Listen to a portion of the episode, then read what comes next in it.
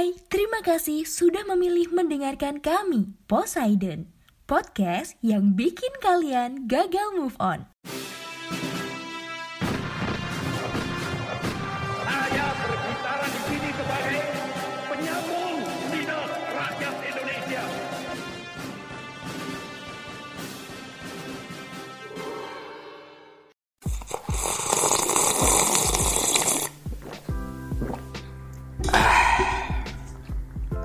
Halo teman-teman sobat Poseidon, kita kembali lagi di segmen History for Life yang akan membahas peristiwa-peristiwa aktual dari sudut pandang sejarah. Masih bersama saya Saifuddin Alif. Oke, langsung aja ya. Kali ini kita akan bahas tentang pandemi. Kenapa bahas pandemi? Karena Indonesia sedang memasuki gelombang kedua dari pandemi COVID-19. Kasus yang udah confirm melonjak tajam. Beberapa pejabat bilang ini gara-gara mudik, tapi statement ini dimentahkan oleh Ikatan Dokter Indonesia atau IDI yang mengatakan kalau lonjakan kasus ini terjadi karena kemunculan varian Delta dari India. Statement IDI ini juga nggak seutuhnya benar, karena ya tetap aja ada faktor interaksi antar manusia dalam penyebarannya, kata Pandu Riono, seorang epidemiolog dari UI. Jadi ya intinya dua-duanya berpengaruh lah ya saya kira kalian semua udah tahu dari berita-berita yang beredar. Tapi kali ini kita nggak akan bahas spesifik tentang lonjakan kasus COVID ini, tapi kita akan lihat satu pandemi terburuk yang pernah dialami oleh Indonesia sebelum COVID-19, yaitu influenza 1918 atau yang lebih populer dengan sebutan flu Spanyol. Yuk kita bahas. Oh, flu Spanyol ini berasal dari virus influenza tipe A subtipe H1N1. Mayoritas peneliti percaya bahwa influenza 1918 berasal dari Amerika, kemudian menyebar ke Eropa, sebelum kemudian menyebar ke seluruh dunia. Jadi istilah flu Spanyol ini sebenarnya kurang tepat karena awalnya bukan di Spanyol tapi di Amerika. Istilah flu Spanyol muncul karena Spanyol adalah negara yang pertama kali memberitakan tentang wabah influenza ini. Negara-negara besar Eropa dan Amerika nggak mau memberitakan karena sedang disibukkan oleh Perang Dunia yang pertama. Kalau mereka memberitakan, mereka akan dituduh sebagai asal muasal dari virus itu. Terus kenapa Spanyol kok mau memberitakan? Karena Spanyol di Perang Dunia yang pertama, dia adalah negara netral jadi dia bebas-bebas saja. Akhirnya semua dunia menganggap bahwa virus itu berasal dari Spanyol gara-gara Spanyol memberitakan pertama kali. Sehingga setelah itu lebih populer influenza 1918 ini dengan istilah flu Spanyol. Oke, kita langsung membahas flu Spanyol yang masuk ke Hindia Belanda atau Indonesia. Flu Spanyol ini masuk ke Hindia Belanda melalui interaksi dagang dengan pelaut-pelaut dari Hong Kong pada awal tahun 1918. Pada tahun itu, informasi tentang penyebaran virus H1N1 atau virus flu Spanyol ini, ini bukannya nggak ada. Tetap ada informasi yang didapat oleh pemerintah kolonial. Pemerintah Inggris di Singapura ini telah mengeluarkan larangan bagi kapal-kapal dari Hong Kong untuk menurunkan penumpang, kecuali bagi yang sudah diperiksa oleh tim medis. Pemerintah Hindia Belanda di Batavia udah mendengar berita tentang uh, peraturan Inggris ini. Cuma sayangnya pemerintah kolonial tidak melihat flu Spanyol sebagai suatu penyakit yang berbahaya. Jadi ada kesan meremehkan lah dari pemerintah kolonial ini. Ya mungkin waktu itu ada lah pejabat kolonial yang bilang kalau flu Spanyol tidak akan masuk ke Hindia karena rakyat Hindia biasa makan nasi kucing, jadi kebal. Atau mungkin ada juga yang bilang bahwa masyarakat Indonesia ini atau masyarakat Hindia Belanda ini masyarakat yang religius. Jadi flu Spanyol akan hilang dengan doa. Mungkin ada yang bilang gitu ya, mungkin. Jadi, pemerintah Hindia Belanda di Batavia bereaksi hanya dengan melakukan tindakan-tindakan preventif, yaitu memperketat pengawasan terhadap kapal-kapal dari Hong Kong tanpa adanya penerapan protokol kesehatan yang ketat. Akibatnya apa? Akibatnya bulan Juli 1918 sudah ada laporan dari rumah sakit di Hindia Belanda tentang pasien yang terkena penyakit influenza. Jumlah pasien semakin meningkat pada bulan Agustus dan September. Meningkatnya jumlah pasien influenza dalam kurun waktu 2 bulan ternyata masih belum ditanggapi secara serius oleh pemerintah kolonial Belanda. Pemerintah berdalih bahwa rasio perbandingan jumlah pasien influenza dengan jumlah penduduk dianggap masih rendah. Nah, pemerintah kolonial mulai memperhatikan secara serius penyebaran virus ini setelah adanya laporan tentang kenaikan jumlah pasien flu Spanyol dari berbagai daerah seperti Banjarmasin, Buleleng, Mojowarno, dan Banyuwangi. Laporan dari surat kabar Sinpo bertanggal 28 Oktober 1918 juga menyebutkan bahwa penyakit ini memiliki tingkat penularan yang cepat sehingga menjangkiti rakyat di seantero negeri atau di seluruh Hindia Belanda itu kena penyakit flu Spanyol semuanya. Menurut Sinpo, meskipun sedikit berlebihan, dari reportase Sinpo ini dapat diketahui bahwa flu Spanyol memang memiliki tingkat penularan yang tinggi. Tingginya tingkat penularan diperparah dengan kualitas penanganan yang buruk dari pemerintah kolonial. Akibatnya apa? Di Pulau Jawa dan Madura saja, penyakit flu Spanyol menewaskan lebih dari 2,5 juta jiwa. Buruknya kualitas penanganan pandemi 1918 oleh pemerintah kolonial ditunjukkan dengan lambatnya kebijakan dan langkah-langkah yang diambil. Lambatnya langkah pemerintah terjadi karena tidak adanya master plan penanganan pandemi.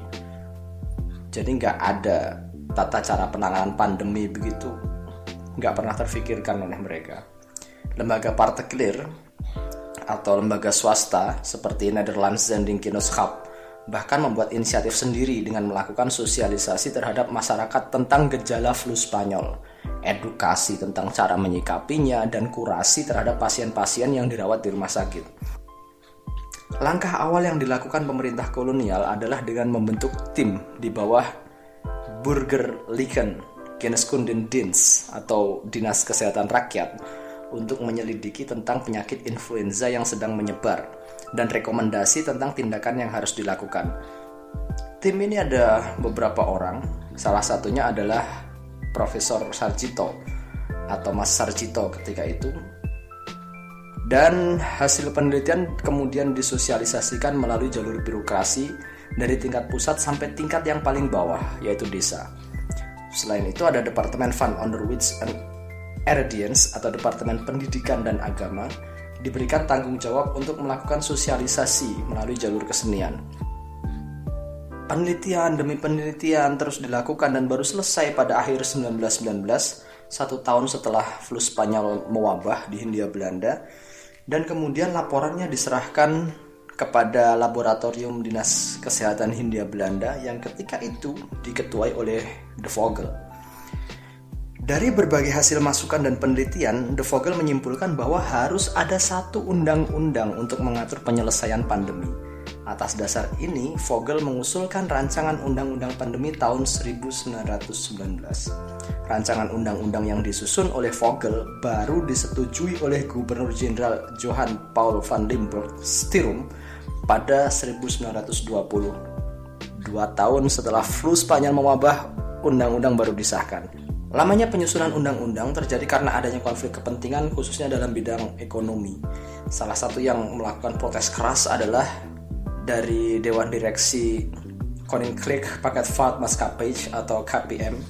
Jajaran direksi KPM ini menganggap bahwa jika undang-undang rancangan Vogel disahkan, maka itu akan membatasi kinerja dan usaha KPM dan resikonya adalah kerugian besar pada perusahaan perkapalan ini.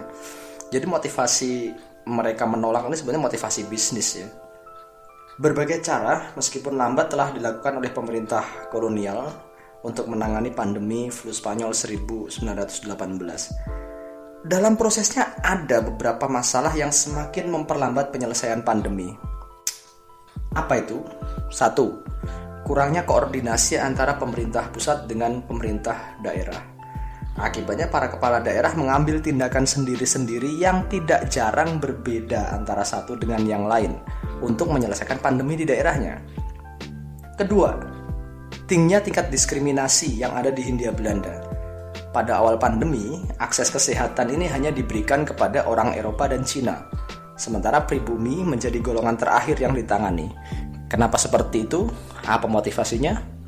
Uang Ya, jadi orang Eropa dan orang Cina ini mereka memiliki uang yang lebih banyak dari orang pribumi sehingga mereka mampu membayar para dokter, para dokter pun karena butuh uang, ya mereka akhirnya memprioritaskan orang Eropa dan Cina. Ketiga, kurang seriusnya pelaksanaan perbaikan kampung kumuh dan usaha vaksinasi yang dilakukan. Kondisi ini terjadi satu sisi pemerintah ingin menyelesaikan pandemi, tapi di sisi lain ingin mempertahankan stabilitas di wilayah jajahan. 4. Diskriminasi penanganan ketika dilakukan karantina wilayah. Jadi pemerintah kolonial ini kemudian menerapkan karantina wilayah atau lockdown wilayah. Cuma pemerintah kolonial ini menerapkan karantina bertarif yang menyebabkan orang miskin tidak mampu membayar sehingga ditempatkan di gudang-gudang yang tidak layak huni. Jadi orang-orang kaya yang mampu membayar ditempatkan di tempat-tempat yang layak, sementara orang-orang miskin yang tidak mampu membayar, ya sudah tempatkan aja di gudang-gudang yang tidak layak huni itu. Dengan berbagai masalah yang ada, kemudian kurva masyarakat Hindia Belanda pengidap flu Spanyol mulai melandai dan akhirnya turun pada awal tahun 1921. Ya kira-kira dua setengah tahun setelah pandemi pertama kali terdeteksi di Hindia Belanda. Tidak ada yang tahu secara pasti kenapa pengidap penyakit ini tiba-tiba menurun. Cuma proses herd immunity ini menjadi kemungkinan yang paling masuk akal. Herd immunity itu apa sih? Herd immunity bisa terjadi melalui dua cara. Satu, vaksinasi terhadap 80% populasi. Atau dua, penyakitnya sendiri memberikan kekebalan alami setelah menginfeksi 80% populasi. Dalam kasus flu Spanyol, khususnya Hindia Belanda, cara kedua dinilai paling memungkinkan mengingat tidak ada catatan tentang program vaksinasi yang dilakukan oleh pemerintah kolonial Hindia Belanda untuk menghentikan laju penyakit dari flu Spanyol ini. Jadi, kalau kita simpulkan terkait flu Spanyol di Hindia Belanda, ini ada beberapa poin. Satu, ini pandemi, jadi pandemi terburuk yang pernah terjadi di Hindia Belanda. Apa sebelumnya nggak ada pandemi? Ya ada juga, tetapi nggak seburuk ini. Kayak kolera tahun 1850-an, pes 1912-an, dan yang lain-lain banyak pandemi. Cuma tingkatnya itu sebagian besar lokal Dua, pemerintah terlalu meremehkan tentang flu Spanyol. Akibatnya tindakannya terlambat semuanya, gelagapan semuanya. Tiga, nggak ada master plan penanganan pandemi. Jadi kalau ada pandemi, langkah-langkah yang dilakukan apa aja buat menggerakkan ekonomi bagaimana, buat mengurangi mobilitas tapi rakyat tetap bisa makan itu gimana, itu nggak ada. Kemudian keempat, kebijakan yang lambat. Pandemi start 1918, undang-undang diketok 1920. Dua tahun buat menyelesaikan undang-undang. Kelima, kebijakan yang lambat tadi karena tarik ulur pemerintah dengan masalah ekonomi. Jadi kalau di karantina, dikhawatirkan ekonomi lumpuh dan sebagainya dan sebagainya.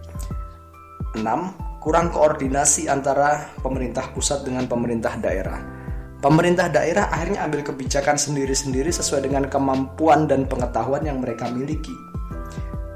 7. Pas kasus sudah melonjak, nggak terkendali.